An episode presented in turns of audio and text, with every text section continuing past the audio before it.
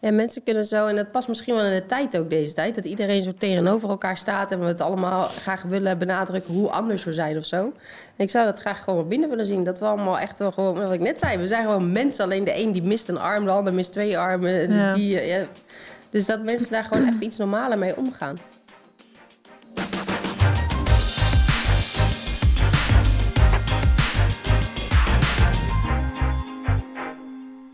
Dames en heren, hartelijk welkom bij weer een aflevering van de podcast eh, Onbeperkt. Eh, in opdracht van en geïnitieerd door Uniek Sporten. Heb ik het zo goed gezegd? Ja, dat heb je helemaal goed gezegd. Ja, en op de website van Unique Sporten kun je alles vinden over sporten met een beperking, interessante verhalen, weetjes, Ja. advies. Nou, weer geweldige intro. Ja, gelijk. toch? Eva, Wilfred, we zijn er weer. Fijn. Wie is onze gast vandaag? Eh, dat is eh, Elvira Stienesen, eh, Paralympisch ex-zitvolleybalster. En eh, ja, je bent eigenlijk, dat, dat vind ik dus wel enigszins interessant. Je bent geboren ehm, en je mist je rechterbovenbeen. En ik vroeg me dus, ik las dat natuurlijk, want ik, heb, ik zag dat je kwam. En ik vroeg me eigenlijk meteen af, ik ben ook geboren met een afwijking aan mijn ledematen. En bij mij noemen ze dat het FFU-syndroom. Heb jij dat dan ook? Ben jij ooit gediagnosticeerd? Hebben ze de naam gegeven? Nee, ze noemen dat bij mij alleen een deficiency nog iets, syndroom Oké. of zo. Ja. Oké, nou, dat hebben dus niet hetzelfde. Ja, wat is dat andere wat jij net noemt dan? Wat- Nou, het FFU-syndroom wat ik dus zogenaamd heb, of ja, hoe je het ook wil noemen, maar Ja. dat betekent dat je een afwijking aan je ledematen hebt. Dus ik dacht, misschien heb jij dat dan ook, want het is natuurlijk bij jou ook een afwijking aan een Het lijkt ledemaat. er wel op hoor. Ja? Want, ja, ja, als ik jou bekijk, dan lijkt het wel hoe mijn been er ook Oh, uitziet. echt? Ja, echt. Ja. Oh, wat interessant. Want oké, tot hoever loopt jouw rechterbeen dan? Nou, die, Om meteen even... Ja, meteen even de techniek. eh, Nee, maar mijn knie zit in mijn heup. En Oké. daaronder zit een onderbeen en een voetje, zeg maar. Oh, jij hebt wel nog ook een voetje. Ja, En die zit in de prothese. zit in de prothese. Zit die dan recht naar beneden? Ja. Dat is grappig, want ik heb ook wel eens gepraat over protheses, omdat ik wil. Ik, kan ook even gaan. Ja. Nou ja. dit was precies wat ik dus allemaal aan je wilde vragen. Maar Ja. dat ik ook wel eens over protheses heb gevraagd. Omdat ik het best wel vervelend vind om zo klein te zijn soms. Maar dat ze zeiden dat gaat niet, want dan moet je je voet recht naar beneden erin Ja. zetten. Maar bij jou gaat het wel. ja, dat hebben ze vanaf kleins af aan hebben ze het eigenlijk gelijk gedaan. Dus met fysio eh ik recht wel eens een keertje getracht om het ook recht te doen. Want dat doen mensen ook wel eens. Ik heb Mhm. een jongen die heeft er wat langer en die loopt dan een soort van op zijn voet en dan daar nog een prothese weer onder. Mhm. Maar uiteindelijk was dit gewoon het makkelijkste voor deze lengte wat ik heb. En het zit ook gewoon lekker. En je krijgt er geen last van dat hij zo naar beneden zit. Nou ja, het is, lekker is Ah, misschien oké. woord, maar ik kan er wel mee lopen. Maar ik, hoe voelt dat dan? Nou ja, het, voelt, het is een beetje, het zit in een, eh, of het zit in een siliconen ding, zeg maar, hè, om het te beschermen. Want anders dan heb ik te veel eh, op die botjes, die enkelbotjes, doet het gewoon eh, zeer. Mhm. Maar het zit niet fijn. Alleen het kan wel, het loopt gewoon goed. Dus ik kan er eigenlijk gewoon alles eh, mee doen wat ik ermee wil doen, zeg maar. Want hoe oud was jij toen je allereerst prothese kreeg? Ja, een beetje zoals kinderen gaan lopen, misschien ietsjes later. Dus ik denk zo, eh, ja, wat is dat? Twee, drie jaar. Oh ja. Ja. Weet je er nog iets van? Nee, ja, wel van iets later. Want toen had ik ook echt van die protheses met van die veters, zeg maar. waarmee Oh ik- ja. Ja? En dan ook nog met zo'n hele band eh, eromheen vroeger, zodat ik rechter liep, zeg maar. Nou was ook hoger opgezet. Nu is die wat lager. Dus ehm, dat weet ik allemaal nog wel, ja. ja. Hey, jij bent geboren met, deze, dit, met, met dit been, of eigenlijk niet met het bovenbeen. Ja. Wisten jouw ouders van, want mijn ouders wisten na zes maanden zwangerschap, wisten ze het bij jou ook al van tevoren? Nee, bij zeven maanden zagen ze wel dat er iets was, maar wisten ze niet zo goed wat er was. Oh ja. Dus toen, eh, het was wel echt een complete verrassing toen ik uiteindelijk geboren werd. En dan een negatieve verrassing, want het was gelijk stress, zeg maar. Toen Je werd gelijk ja. weggehaald toch ook? werd Voor gelijk- onderzoek ja. en zo? Ja, je bent Ja. anderhalve Ja. weg geweest bij je moeder, las ik. Nee, dat is niet zo hoor. Ik ben wel Oh. gelijk bij mijn moeder, maar gelijk tijdens na de bevalling ben ik gelijk weggehaald en niet als eerste bij mijn moeder terechtgekomen. Ja, dat zeg maar. bedoelde ik. Ja, ja, ja. ja, Ja. Ja, dus dat was voor mijn moeder, als ik haar daar nog wel eens naar vraag, is best eh, heftig voor haar geweest. Vader trouwens ook. Maar voor mijn moeder, die vindt dat wel eh ja, een heftige ervaring. En hoeveel tijd hebben ze nodig gehad om er het een plaats te geven dan? Ehm, ik denk dat best wel eh, snel ging. In zoverre dat mijn moeder het wel lastig vond, zeg maar, om naar buiten te gaan en vooral de reacties van mensen te horen. Maar mijn moeder die had wel gelijk zoiets van: ik ga gewoon gelijk doen zoals ik dat met ieder kind zou doen en iedereen dat doet. Dus ook gewoon, ik ben in maart geboren, dus het is gelijk lekker weer en dan Ik ook. gewoon in de. Oh? Ja. Nou ja, dat is ook verontrustend gelijk. Dus. Ja. Dat in een bepaalde periode je weer op moet passen. Maar ja, Ja, dus eh, ook gewoon in de, in de wandelwagen zonder kleedjes of wat dan ook. Gewoon gelijk laten zien. En dat, ze vond het vooral heftig hoe mensen daar dan op reageren. Dus mensen zijn een soort van geschokt als ze in zo'n kinderwagen kijken, zeg maar. Want wat waren dan reacties? Ja, gewoon een beetje ongemakkelijk, heftig. eh, gelijk dat eh, ook heftig. Mijn moeder die vertelt wel eens dat, dat de, de arts die ze toen had, die zei: Ja, het is met een reden bij jou gekomen. Of het is met, weet je wel, dat soort Serieus? dingen. Ja, dat gaat, ja, dat gaat allemaal. Maar met een goede Ja. reden. Ja, het is, Ah, mensen reden? zeggen de gekste dingen. Mensen Maar een reden als in... Ja, dat ze het kan dragen of dat het, nou ja, zo, weet je wel, weet je, ehm, weet je, dat, Huh? dat, dat, ja, ik weet niet. Dat is wel heel bijzonder als iemand dat gaat zeggen. Dan Ja. probeer je eigenlijk een, een, een te geven om de zaak een beetje kunstmatig te redden, lijkt het Ja, wel. zoiets is het, ja. ja. Maar dat vind ik wel vaak gebeuren. Vind jij dat niet? Als mensen een gesprek met je aangaan, dan is het vaak een beetje om de ongemakkelijkheid van de persoon zelf ook weg te nemen of zo, op de een of andere manier. Ik denk dat ik dat zelf al een beetje doe soms vaak. Dus dan ga ik zelf iets van een grapje maken of een ijsbreker. Omdat ik zelf gewoon geen zin heb in die ongemakkelijkheid. Oh ja.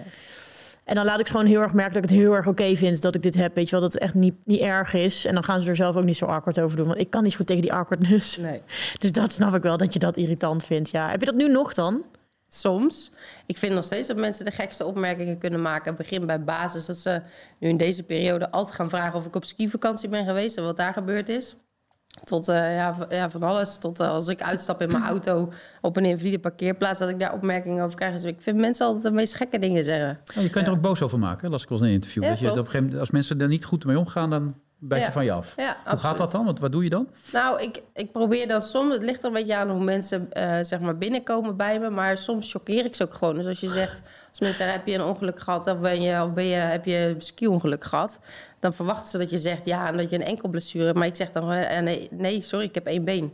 En dan zijn mensen wel gelijk eh, best wel een beetje gechoqueerd. Dus ik probeer gewoon heel direct antwoord te geven dan. Maar zit er ook nog, sorry, er nog frustratie bij jezelf in? Van het feit dat het zo is of niet? Of heb je het zelf al een plaats gegeven? Nee, ik heb het zelf zeker al een plaats gegeven. Eh, toen ik ben begonnen met sporten, zeg maar, zo'n beetje rond mijn twintigste. Toen ben ik wel, heb ik wel die acceptatie eh, mee doorgemaakt.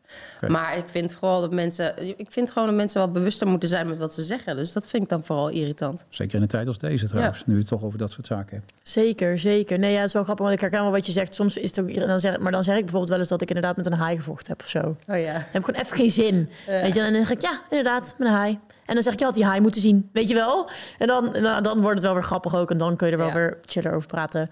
Ehm, maar ik zag net, we kwamen toevallig tegelijk inderdaad aan, ook met de auto. Maar Ja. rij jij dan met handgas of hoe doe jij dat? Nee, ik rij met een eh, linkergaspedaal. Oh, wel met voet dus, met Ja. je linkerbeen met gewoon. linkerbeen. Ja. En rechts helemaal niet. Nee. En waar heb je de remmen dan? Eh, de- gewoon in het midden. Oh, ik doe dus je gewoon ja, alles. precies. Ja. Ik rij Ik voel niet. me een soort eh, scheidsrechter bij een tafel tenniswedstrijd. Ik zit alleen maar zo te doen de hele tijd. Ja, nee, ga lekker door. Nee, ja. Ja, ja, maar praktische Ik zaken was zijn ook gewoon belangrijk benieuwd natuurlijk. daarnaar. Ja, Ja. zeker. Maar ik hoorde jou zeggen, ik heb het helemaal geaccepteerd en ik ga er heel goed mee om. Maar jij hebt ook je tijd nodig gehad om dat voor elkaar te krijgen. Heb je zelf verteld naar mij natuurlijk in dit Nou programma. ja, acceptatie is nooit... Je gaat niet één keer accepteren en dan is het forever geaccepteerd. Nee. Ik weet niet, volgens mij heb ik Nee. gelezen dat jij dat ook niet zo ziet. Klopt. Dus het komt en het gaat. En soms, ik heb er meestal geen last van, maar soms wel even momenten dat ik er gewoon even helemaal de P in heb hangen. Ja. Dus, maar wat ik, wat, wat ik ook las, dat vond ik wel opvallend. Jij was zeven en toen kreeg je er een beetje last van. Als in toen ging je wat terugtrekken op school en zo. Ja. Dat kwam bij mij echt pas op mijn zestiende, dus bijna tien jaar later. Ja. Wil je nog iets herinneren dat je er toen ja, last van kreeg?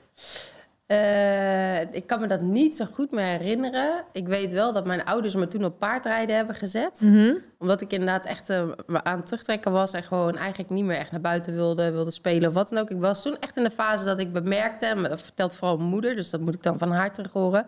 dat ik me echt besefte dat ik anders was dan de kinderen om mij heen, zeg maar. Dat sommige dingen net even anders werkten met hard rennen of met gym of wat dan ook. Want jij zat wel gewoon op het regulier onderwijs. Ja. ja. Ja. Dus, ehm, dus ik kan me er niet zoveel van herinneren. Wel vanaf het moment dat ik dus naar de paarden ging. En dat het vanaf dat moment weet ik wel dat het, zeg maar, dat, nou ja, dat het weer gewoon leuk ging. Zeg maar. Dus dat ik daar wel eh, plezier uit haalde. Ehm, maar dit, dat was wel een moment. En zo, zo gedurende mijn leven, als ik dingen terugkijk, zie ik elke keer die zeven jaar of zo. Zeven jaar komt elke keer terug. Elke zeven jaar. Ze zeggen toch ook lijkt dat je als wel mens om de zeven jaar weer helemaal nieuw bent of zo. Dat je dan... Krijg je ook ander haar, toch? Wat je structuur van je haar het er anders. ja? Dat begreep ik wel een keer. Ja, maar, Heb jij dat ook? Kijk, het Nieuw, nieuw haarstructuur? Ja, een nieuw haarstruc. Ja, je hebt mannen, mannen die panden het in, dat heb ik niet gedaan, maar steeds andere structuur natuurlijk. Maar zo ervaar je het echt. Zeven jaar, dan is het weer iets. Nou, het is gewoon grappig. Het is meer als je het een beetje terugkijkt. Elke keer heb je van die momenten. Als je dan inderdaad 14, 15 jaar bent, zit je in de puberteit. Het is wel weer zo'n moment dat je... Ja. Ja. dat ik zeg maar stopte met paardrijden. En dan denk je echt bij jezelf, ja, wat ga ik dan nu doen? Was ik echt zo'n beetje aan het afzetten, deed ik helemaal niks meer aan sport. Mhm. Dus dat zie je dan en dan gaat dat langzaam weer zo'n beetje... Ja, pak je dat weer op rond je twintigste of zo. Dus je kan er een beetje... eh, Ja. Ja, kan je dat Voor die hebben. tijd wilde je geen relatie, wilde je niet trouwen. En daarna... Ja, daar was je. Ja, ja dat klopt. Dat heb ik ook gelezen. Ja, hè? Ja, vond ik niks, nee. Waarom? Ja, geen idee. Ik had er gewoon niks mee. Ik heb, eh, ik- Maar vond je het echt niks of was je, vond je het ook eng omdat je misschien bang was dat mensen je zouden afwijzen vanwege je beperking? Want- ik denk dat dat dat, herken ik. onbewust wel zo was. En ik denk ook dat ik, omdat ik wat ik zei toen ik in de puberteit kwam en echt ook eh, gewoon niet meer echt ging sporten of wat dan ook. dat- Ik moest dat langzaam een beetje herontdekken weer of zo, mezelf op dat moment. Dus, dat, Ja. is, ja. dus ik denk dat het onbewust zeker zo was. En vanaf mijn 20ste, 21ste ben ik gaan, gaan sporten, ben ik gaan zitvolleyballen, gaan skiën. En vanaf dat moment zie je ook dat ik weer veel meer open ben. En open ben gaan staan voor alles eh, eromheen, zeg maar. En dus ook voor vriendjes. ja. Ja. En Ja. skiën doe jij staand of zittend? Staand. Op één been? Ja. Cool. ja. En toen je zeven was bij... Of nee, jawel, toen je zeven was bij gaan paardrijden. Dat was je eerste sport. Ja. En toen ging het wel meteen beter, zeg maar. De eerste keer dat je met sport in aanraking kwam. Ja. Want hoe, waar, hoe kwam, waar lag dat dan aan? Dat dat je dan weer fijner deed voelen? Nou, ik denk sowieso, ik ben gewoon dierenmens, dus dat helpt al. Maar ook gewoon dat je dan met andere kinderen, kinderen gaat spelen. Je zit in een paardenles, je gaat, eh, nee, je gaat wat dingetjes doen die gewoon bij je passen en die je kunt, zeg maar. Dat helpt gewoon heel erg.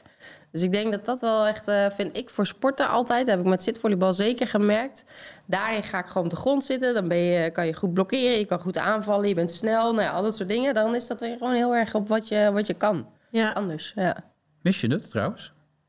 Eh, ik speel nog wel zitvolleybal, gewoon bij de club. Ja. Maar ik mis het wel. En ik heb tijdens de, de Paralympische Spelen, de periode, dus nu afgelopen zomer, was best heftig. was een soort van alsof ik eh, in een gat viel, terwijl ik eind 2018 gestopt ben bij het nationaal team. Maar ik heb pas soort van eh, eh, dat gat even ervaren, zeg maar, in het voorjaar en in de zomer eh, dit jaar. Nou, kijk, je bent op een bepaalde leeftijd, maar volgens mij in zitvolleybal kun je toch een hele tijd door. Je had nog wel doorgekund, toch? Ik had nog op zich wel doorgekund. En waarom stopt het dan? Waarom wilde je niet meer? Nou, ik vond het mooi geweest. Ik had zo'n bijna 18 jaar gedaan. Eh, mijn man en ik waren op dat punt ook bezig om een eh, kindje te adopteren. Ja. Ehm, van alles meegemaakt. Drie Paralympische Spelen. Druk op werk, allerlei andere dingen. Dus ik dacht, het is mooi geweest. Het is mooi om af te sluiten. En in 2012 mocht je toen mee naar Athene, klopt Ja. dat? Geweldig verhaal 2008. is dat, ja. En wat zeg Ja. je? 2008. 2008. En, toen, en toen zei je, nee, dat ga ik niet doen. Nee, lijkt me ook logisch. Vind ik nog te Ja, vroeg. Je mag mee, maar nee, ik ga niet. Ja. Ja. Eh, kijk, ja, dat klopt. Ik snap dat jullie dat zo denken. Maar het is, ik zal het uitleggen. Maar ik was toen net begonnen met zitvolleybal. Dus ik was eh 2001. Maar zeer talentvol klaarblijkelijk, want anders vragen ze je niet ervoor. Maar ik was wel echt beginnend. Dus Ja. ik moest wel vanaf nul beginnen. En ik kan- kon voor mezelf gewoon niet verkopen op dat moment. Een paar dingen. Ik kon ten eerste niet verkopen op dat moment dat ik echt klaar was om naar een Paralympische Spelen te gaan. En het tweede is dat ik, eh, als je, je moet zo zien, ik ben begonnen met sport. Nou ja, misschien in 2000, tweede- 2000. 2001 zat ik bij het nationaal team. 2002 ging ik mee naar het WK. Dat is bizar, toch? Dat dat zo werkt. Als je talentvol Ja, bent, het- wat goed ja. is, komt snel, hè? En Dat is waar, maar het was nou nog niet zo dat ik de sterren van de hemel speelde, zeg maar. Dus ik moest het wel echt gewoon leren. Ik vond het gewoon, dat was gewoon heftig. Dat je dan heftig, je zit ineens in een, een nationaal team, dan moet je ineens helemaal in zo'n topsportprogramma mee. Nou, al dat soort dingen, dan moet je best eventjes eh eh, Maar als je dan- ontwikkelen. Maar we hadden het net over 2008, toch? Eh, Of niet? 2004, sorry, Oh, Athene. ja, ik zit 2004, even na te ja. denken, want dan Ja, nee, ook, ja, ja. 2004. Ja. Dus dan was je drie jaar bezig, zeg maar, een beetje fanatiek. Ja. En dan zeg je gewoon nee. Daar Nee. moet heel verbaasd op gereageerd zijn toen. Klopt. Maar er is ook best wel veel van aan vooraf gegaan. Dus het is niet dat ik ineens de volgende dag, dag toen ik opstond... ik ga toch maar niet naar die spelen, want je werkt er hartstikke naartoe. Ja. Eh, maar dat komt wel in fase. Dus wat, precies wat ik zeg, ik kon het gewoon niet eh, voor mezelf plaatsen... dat ik al eh, zo ver was dat je naar een Paralympische Spelen ging.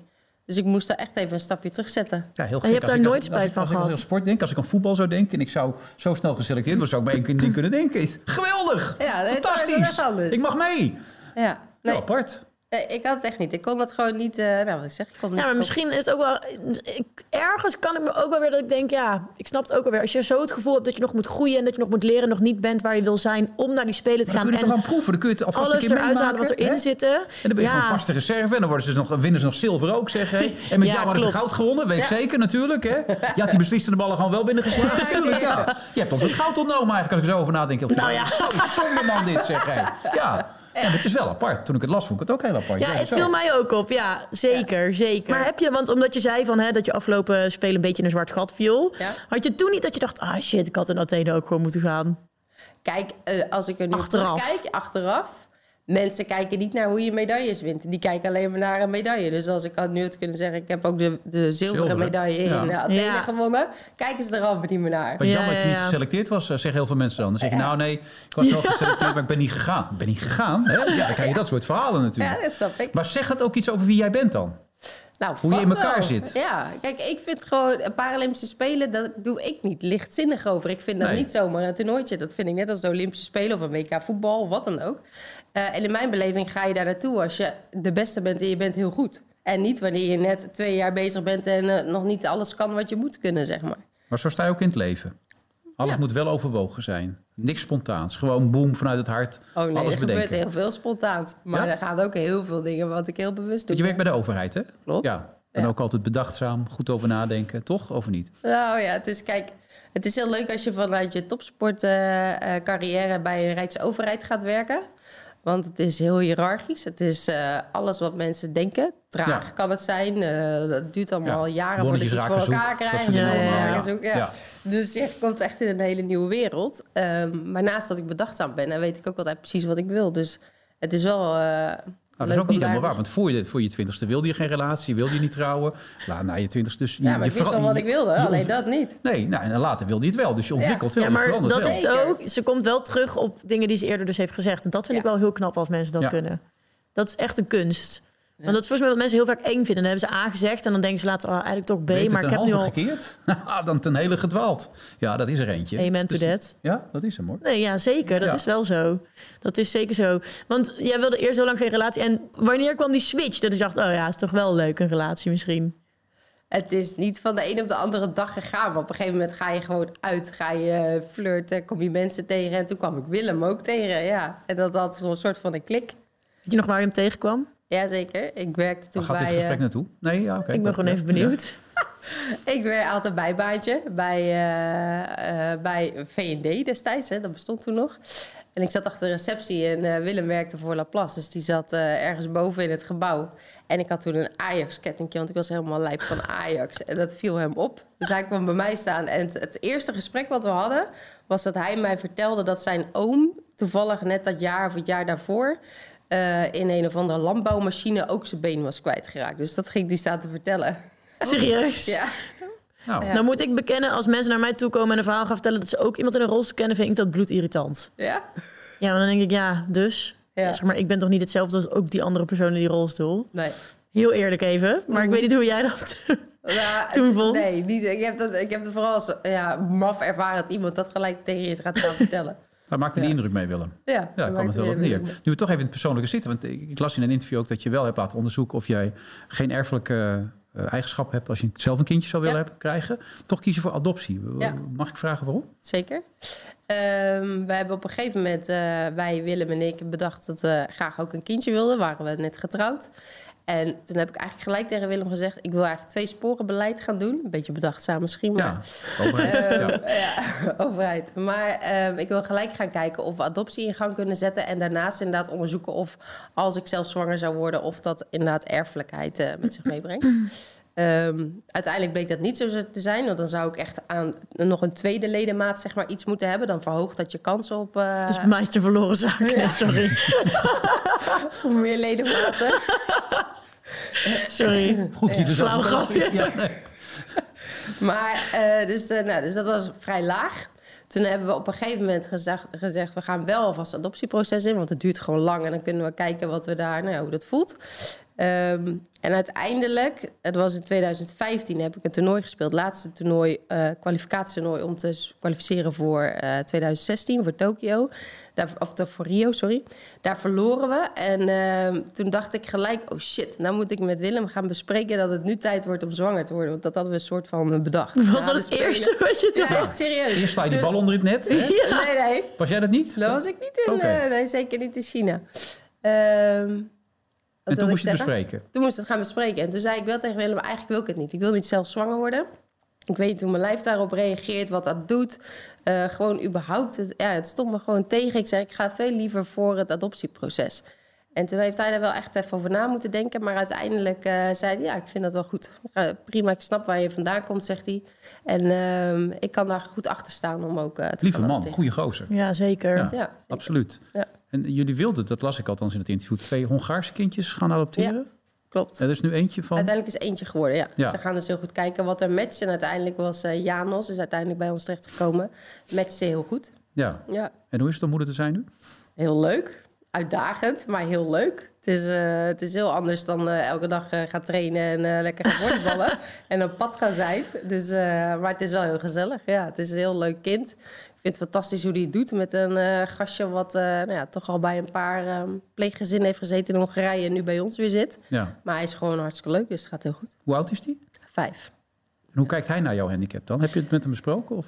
Nou, af en toe bespreken we het wel. En vanaf het begin af aan is het heel, gaat hij er eigenlijk best wel natuurlijk mee om. Dat doen kinderen sowieso wel. Ja. Mhm. Ehm, maar eigenlijk in de eerste week dat hij bij ons was, ging hij elke keer... Ik zet mijn been altijd, eh, als ik naar bed ga, zet ik mijn been uit. Doe ik mijn been uit en dan zet ik hem naast mijn bed ergens.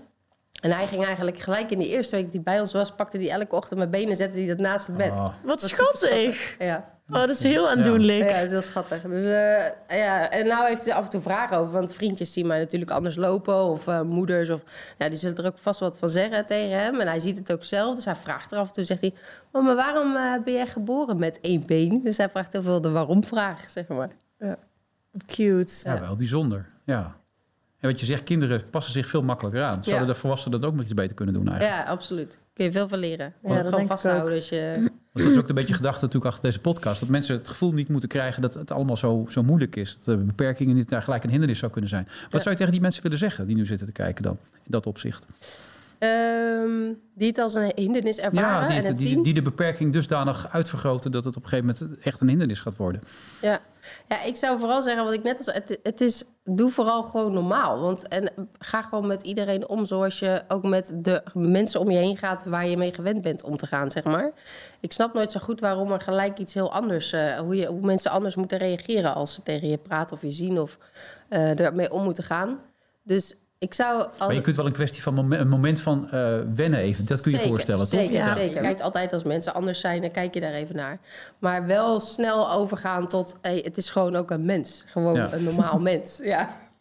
Het is gewoon een mens. Ja, en het heeft, Nee, ja, allemaal, het is, het is zo waar. Ja, Ja. Dat, is, dat is het gewoon inderdaad.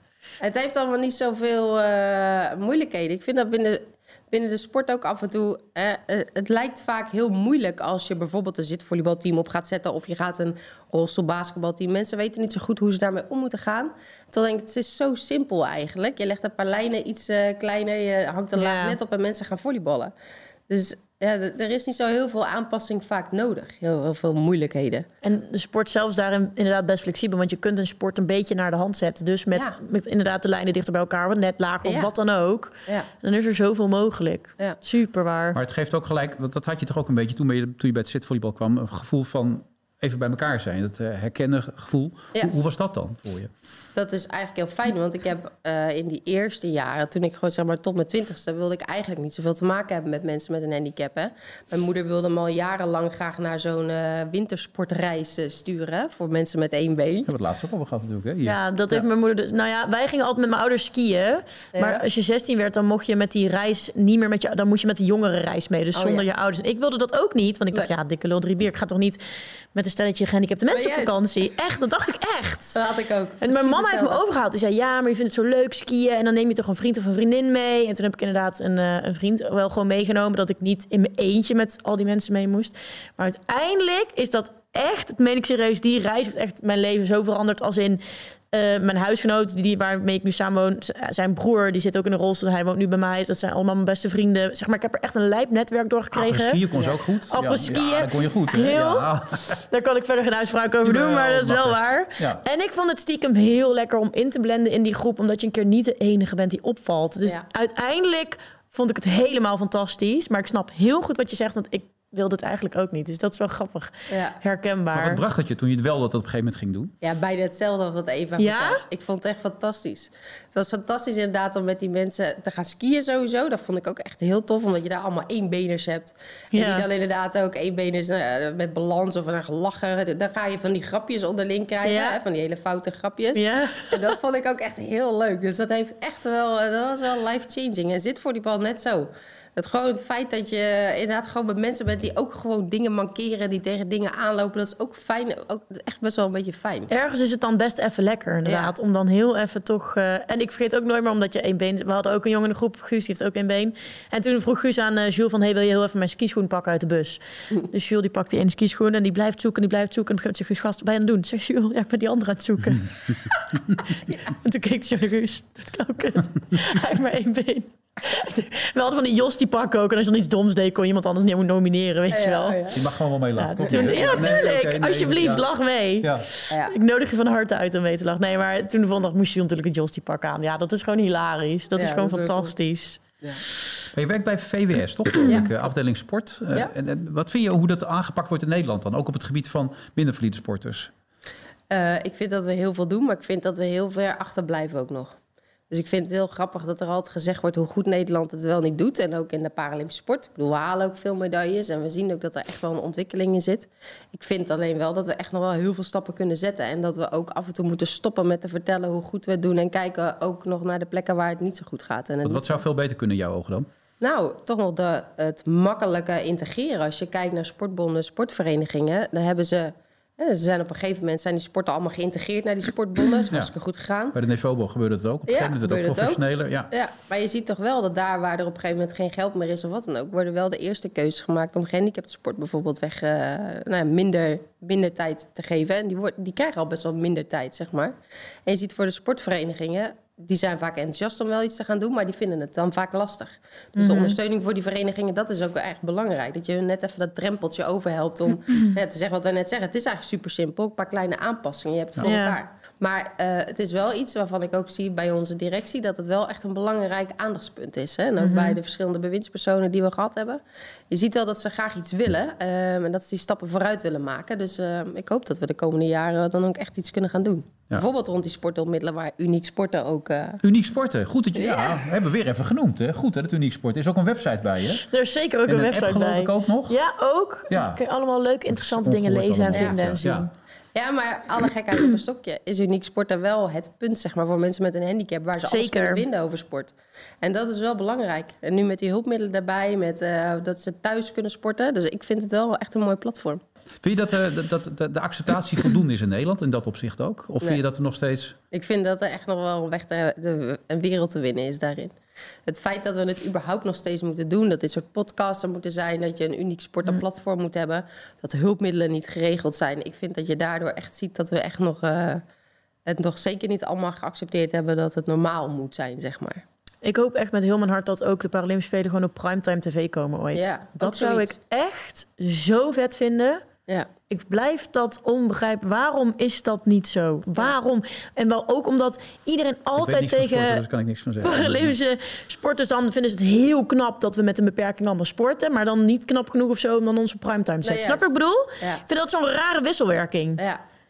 En ze zeggen dan, er kijken te weinig mensen naar, dus is het ook niet interessant om het op primetime eh uit te zenden. Kijkcijfers altijd. Ja, maar dat is, de- dat is de belangrijkste reden. En dan Ja. wordt gezegd, kijk, bij topsport eh, van valide mensen wordt gezegd, dat is zo hoog niveau. Dus dezelfde dat- dat ze eigenlijk geen amateurvoetbal bijna laten zien. En, eh, Nee, en precies. sporten waarbij het niveau wat laag ligt. Vrouwenvoetbal wordt ook eigenlijk, dat wordt nu Ja. wel een beetje Ja, uitgezonden. Ook. Maar wordt ook weggeschoven. Net Terwijl je ziet hoe populair het is, vrouwenvoetbal. Precies. Zeker bij de jeugd.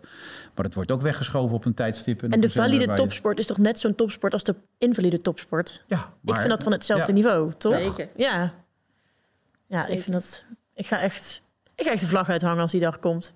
Maar komt die dag uit? Dat is de grote vraag. Ja, dat denk ik wel. Ja, denk je dat? Ja, dat denk ik wel, dat het nog een keer komt. Ja. Jawel, daar geloof ik al in hoor. Ben jij voorstander van het integreren, Paralympisch en Olympisch?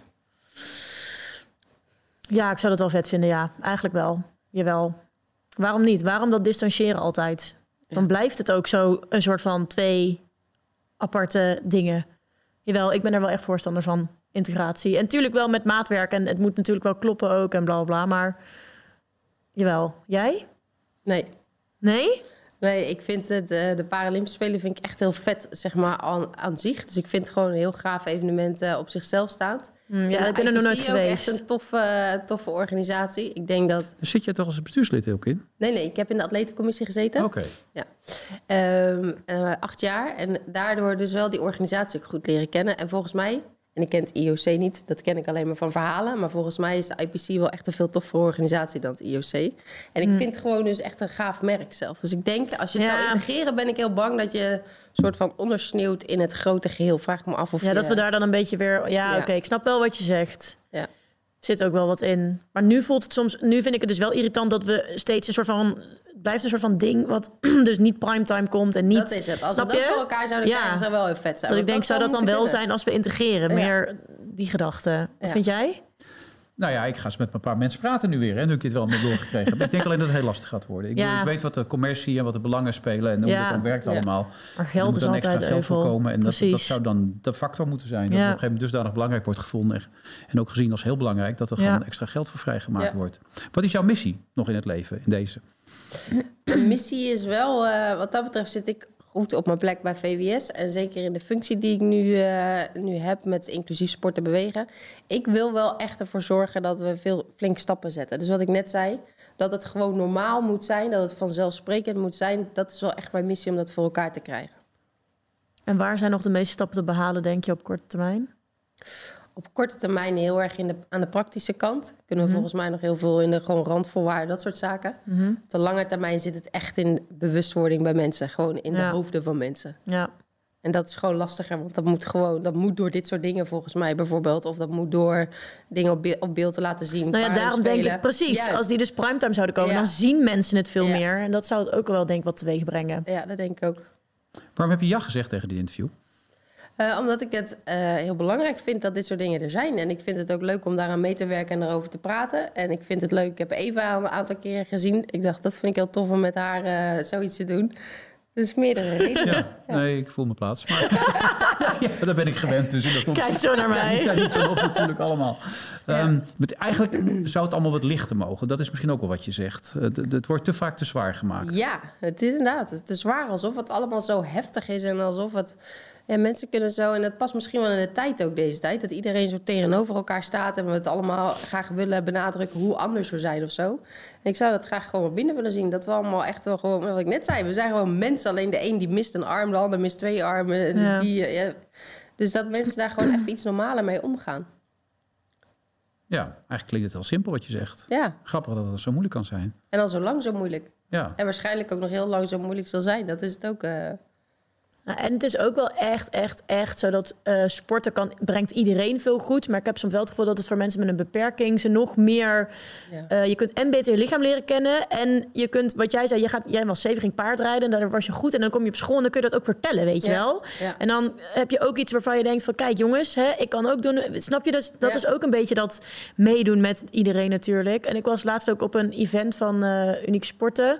En toen eh, sprak ik je een hebt ook een website. je dat? tenniscoach. Die hebben ja. inderdaad ook een Ja. website. Ook leuk om even te kijken. Ja. Toen sprak ik een tenniscoach voor rolstennissers. En toen zei ik tegen hem: van waar loop je nou het meest tegenaan hè, met, je, met, je, met, de, met de talenten die je coacht? En toen zei hij: de ouders.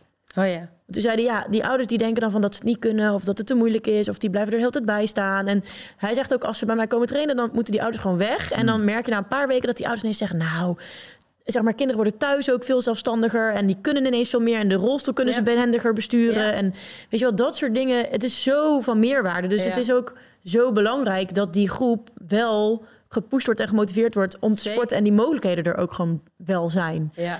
Overal.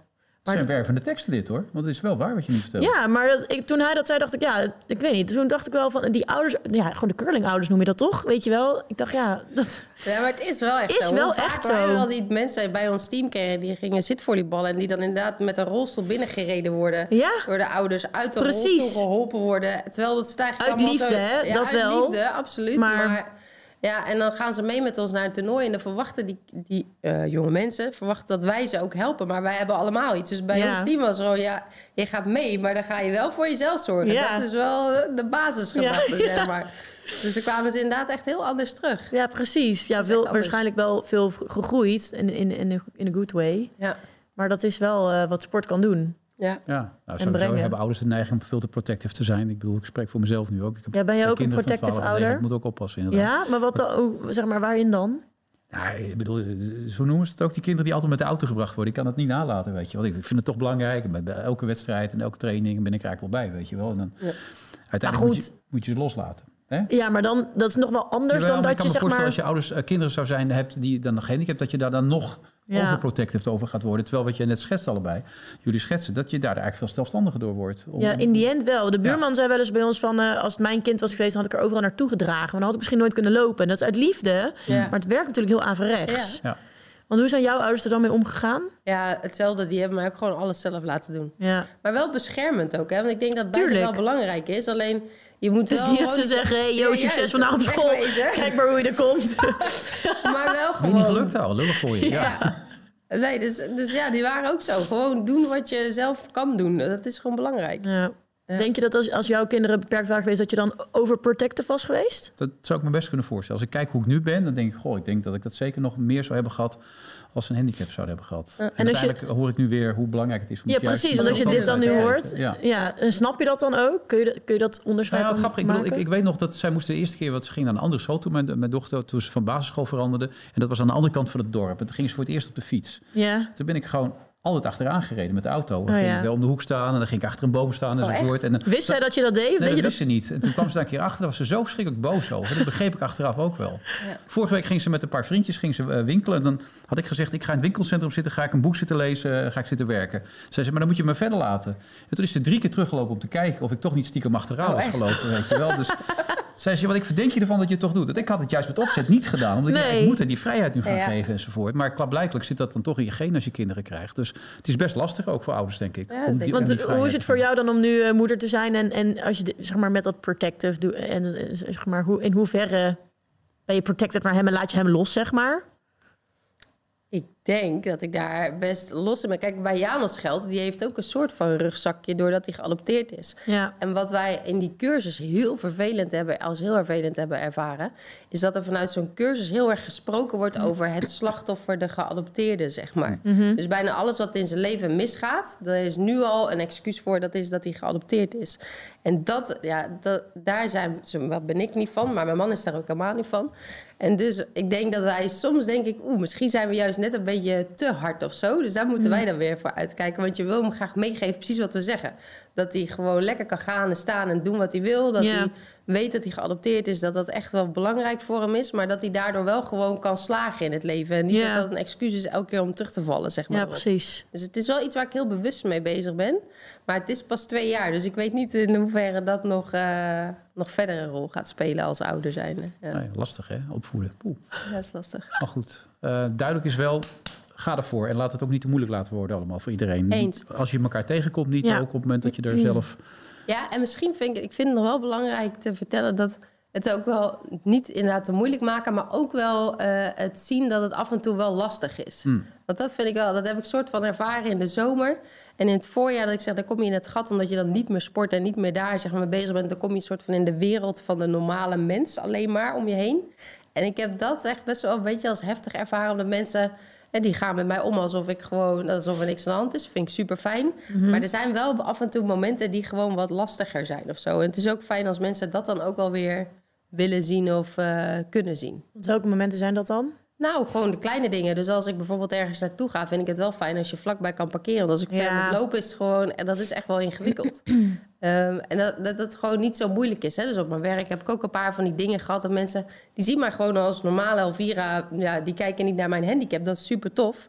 Maar daardoor gaan ze misschien ook soms een beetje voorbij aan... Soms zijn er gewoon kleine dingen nodig wat wel lastig is. Of wat Ja. wel als lastig ervaren wordt. Oké, Dus die, dat die nuance is wel heel belangrijk. Ja, en wat je nu dat allemaal verteld hebt. Ja, Maar dan moet je denk ik ook wel zelf actieve houding in aannemen, juist. Dat is dus hè? belangrijk. Ja, dat ervaar ik Nou, namelijk ook wel. nu, hè? ja, precies. Ja, ze want er nog even goed op op die dan- manier. ja, Dit precies. uniek sport ook heel goed.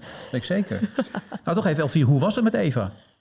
Ik vond het leuk. Ja, hè? Ik vond het gezellig en ik vind het heel leuk, die herkenning op sommige punten. Dus Ja. dat is heel leuk. Vond ik ook wel eh, leuk. Iedere keer weer interessant. Als er, we spreken natuurlijk heel veel mensen, maar bij Ja. sommigen heb je echt eh, best wel specifieke herkenningspunten. Vind ik toch altijd weer interessant om te kijken hoe anderen daarmee omgaan. Ja, Maar leuk, leuk om te horen. ja. Ja, ik vond het met jou ook leuk op zich. Toch wel? Ja, Op zich. Nou ja, dat hoor ik niet zo vaak. Dus dat is altijd goed natuurlijk, ja. Ja, maar ontzettend Ja. bedankt Elvira. Dank je, En jullie dan, ook. dan moeten wij nog eh, afronden. Dan moeten we nog één keer, denk ik, uniek sporten noemen, toch? Ja, jij mag hem afronden. Oh, moet ik hem afronden? En dan ga ik eh, nog een keer afronden. Oké, want het komt erop neer dus dat op die website kun je van alles bekijken. Goede verhalen, ook nog hoe je aan Zeker. hulpmiddelen kan komen. Kortom, alles wat je wil weten op dit gebied, als het gaat om een beperking, eh, gaat natuurlijk terug te vinden, is terug te vinden op de website van Uniek Sport. We hebben ook nog een app. Nou, het is echt te veel om op te noemen. Ja joh. En vond je deze podcast nou leuk? Abonneer je dan nu even via jouw favoriete podcast-app op de Onbeperkt podcast van Uniek Sporten. Ja, iedere maand hebben we weer een super inspirerende gast hier. Dus blijf ons vooral volgen. Ja. Nou, we zijn er. Top. Ja, Dankjewel. dankjewel.